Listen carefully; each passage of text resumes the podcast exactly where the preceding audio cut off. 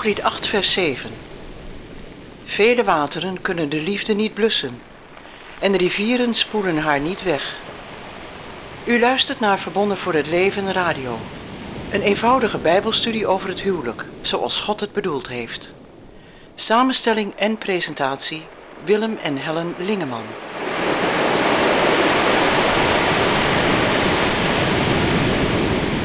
Welkom bij de eerste aflevering. Hierin willen we een serie programma's bij u introduceren en uitleg geven over begrippen en definities in verband met deze studie.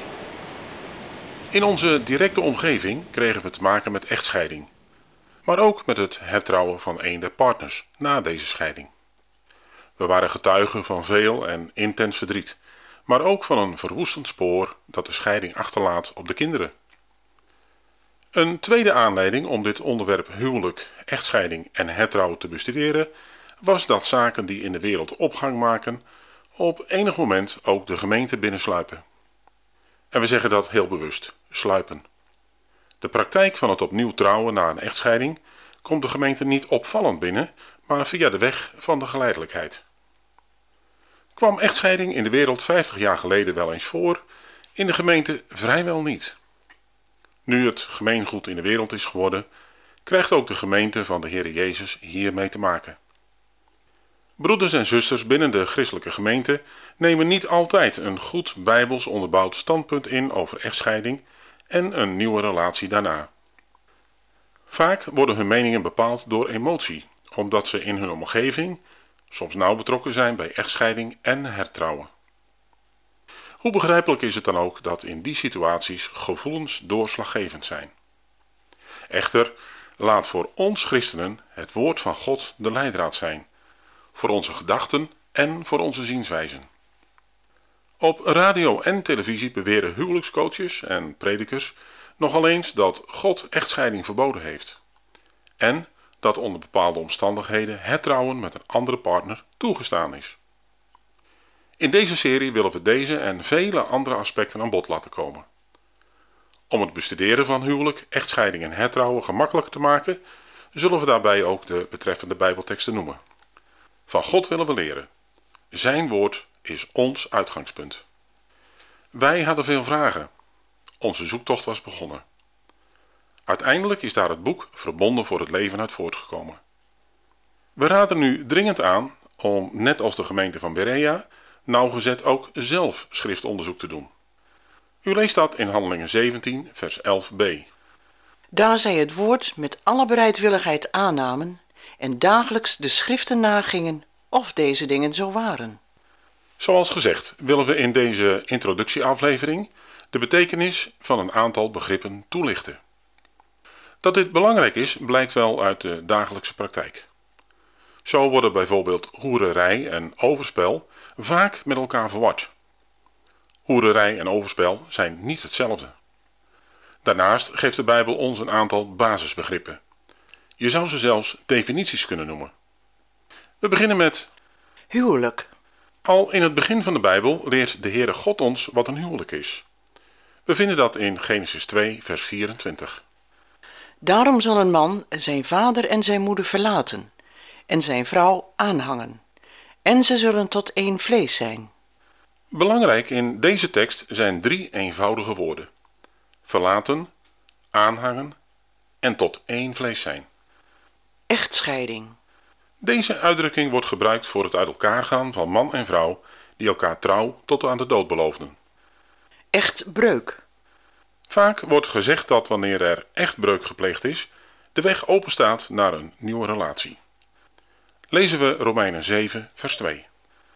Want de gehuwde vrouw is door de wet verbonden aan haar man bij diens leven.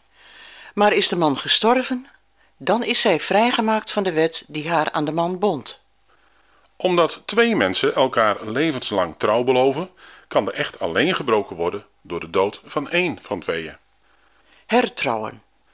Het opnieuw aangaan van een relatie na een dramatische gebeurtenis, zoals overlijden of echtscheiding. Hoererij. Hoererij is, al dan niet tegen betaling, elk seksueel contact buiten het huwelijk om. Paulus leert ons erover in 1 Corinthians 6 vers 13b. Maar het lichaam is niet voor de hoererij, maar voor de Heer, en de Heer voor het lichaam. 1 Corinthiërs 6 vers 16. Of weet u niet dat wie een hoer aanhangt, één lichaam met haar is? Want die twee, zegt hij, zullen tot één vlees zijn. 1 Corinthiërs 6 vers 18. Ontvlucht de hoererij. Elke zonde die een mens doet, gaat buiten het lichaam om. Maar wie hoereert, zondigt tegen zijn eigen lichaam. Overspel. In de Evangeliën geeft de Heer Jezus een definitie van overspel. Ieder die zijn vrouw verstoot en met een andere trouwt, pleegt overspel. En wie met een door haar man verstotene trouwt, pleegt overspel. Met andere woorden zegt de Heer Jezus hier: Als je je vrouw wegstuurt of van haar scheidt en met een ander trouwt, dan pleeg je overspel. En als je met een weggestuurde of gescheiden vrouw trouwt, pleeg je ook overspel. Nog even terug naar het begrip huwelijk. Het woordenboek geeft als verklaring voor huwelijk echt of trouwplechtigheid. En ook de huwelijkse staat, het getrouwd zijn. Ten eerste zien we dus de voltrekking van het huwelijk, de plechtigheid rond het elkaar trouw beloven. Met de tweede uitleg, het getrouwd zijn, komen we weer iets verder. Ook hier vinden we het woord trouw in directe relatie tot het huwelijk en de daarbij behorende verantwoordelijkheden. We zoeken nog iets verder en kijken bij het woord huwelijksband. De wederzijdse trouw van gehuwden. Trouw lijkt dus het kernwoord te zijn. Het Vandalen woordenboek zegt over trouw Iemand niet verlatend, ook niet in moeilijke omstandigheden, en zijn plichten nauwgezet vervullend. De volgende vraag die we ons moeten stellen is: wat is een verbond? Het woordenboek zegt daarover verdrag of vereniging. Vandalen zegt het zo. Plechtige overeenkomst tussen personen, verbonden tot een eenheid. In onze tijd noemen we een verbond ook vaak een verdrag.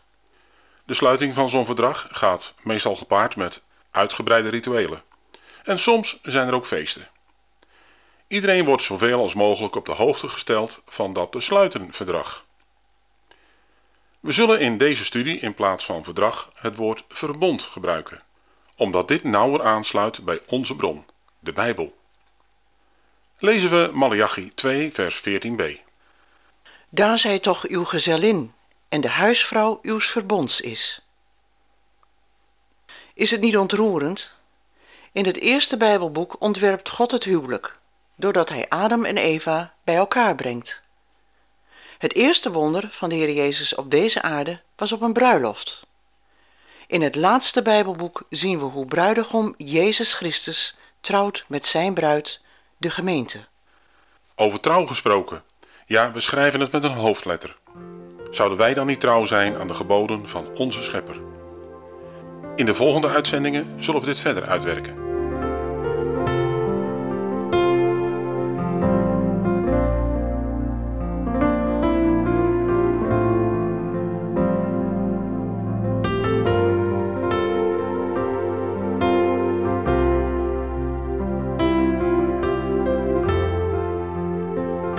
Spreuken 3, vers 3. Dat liefde en trouw u niet verlaten. Bind ze om uw hals, schrijf ze op de tafel van uw hart. U heeft geluisterd naar Verbonden voor het Leven Radio. Samenstelling en presentatie Willem en Helen Lingeman. Heeft u vragen naar aanleiding van deze uitzending?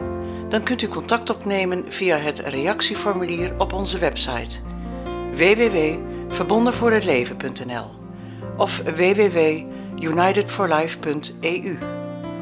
Zo de Heere wil graag tot de volgende keer.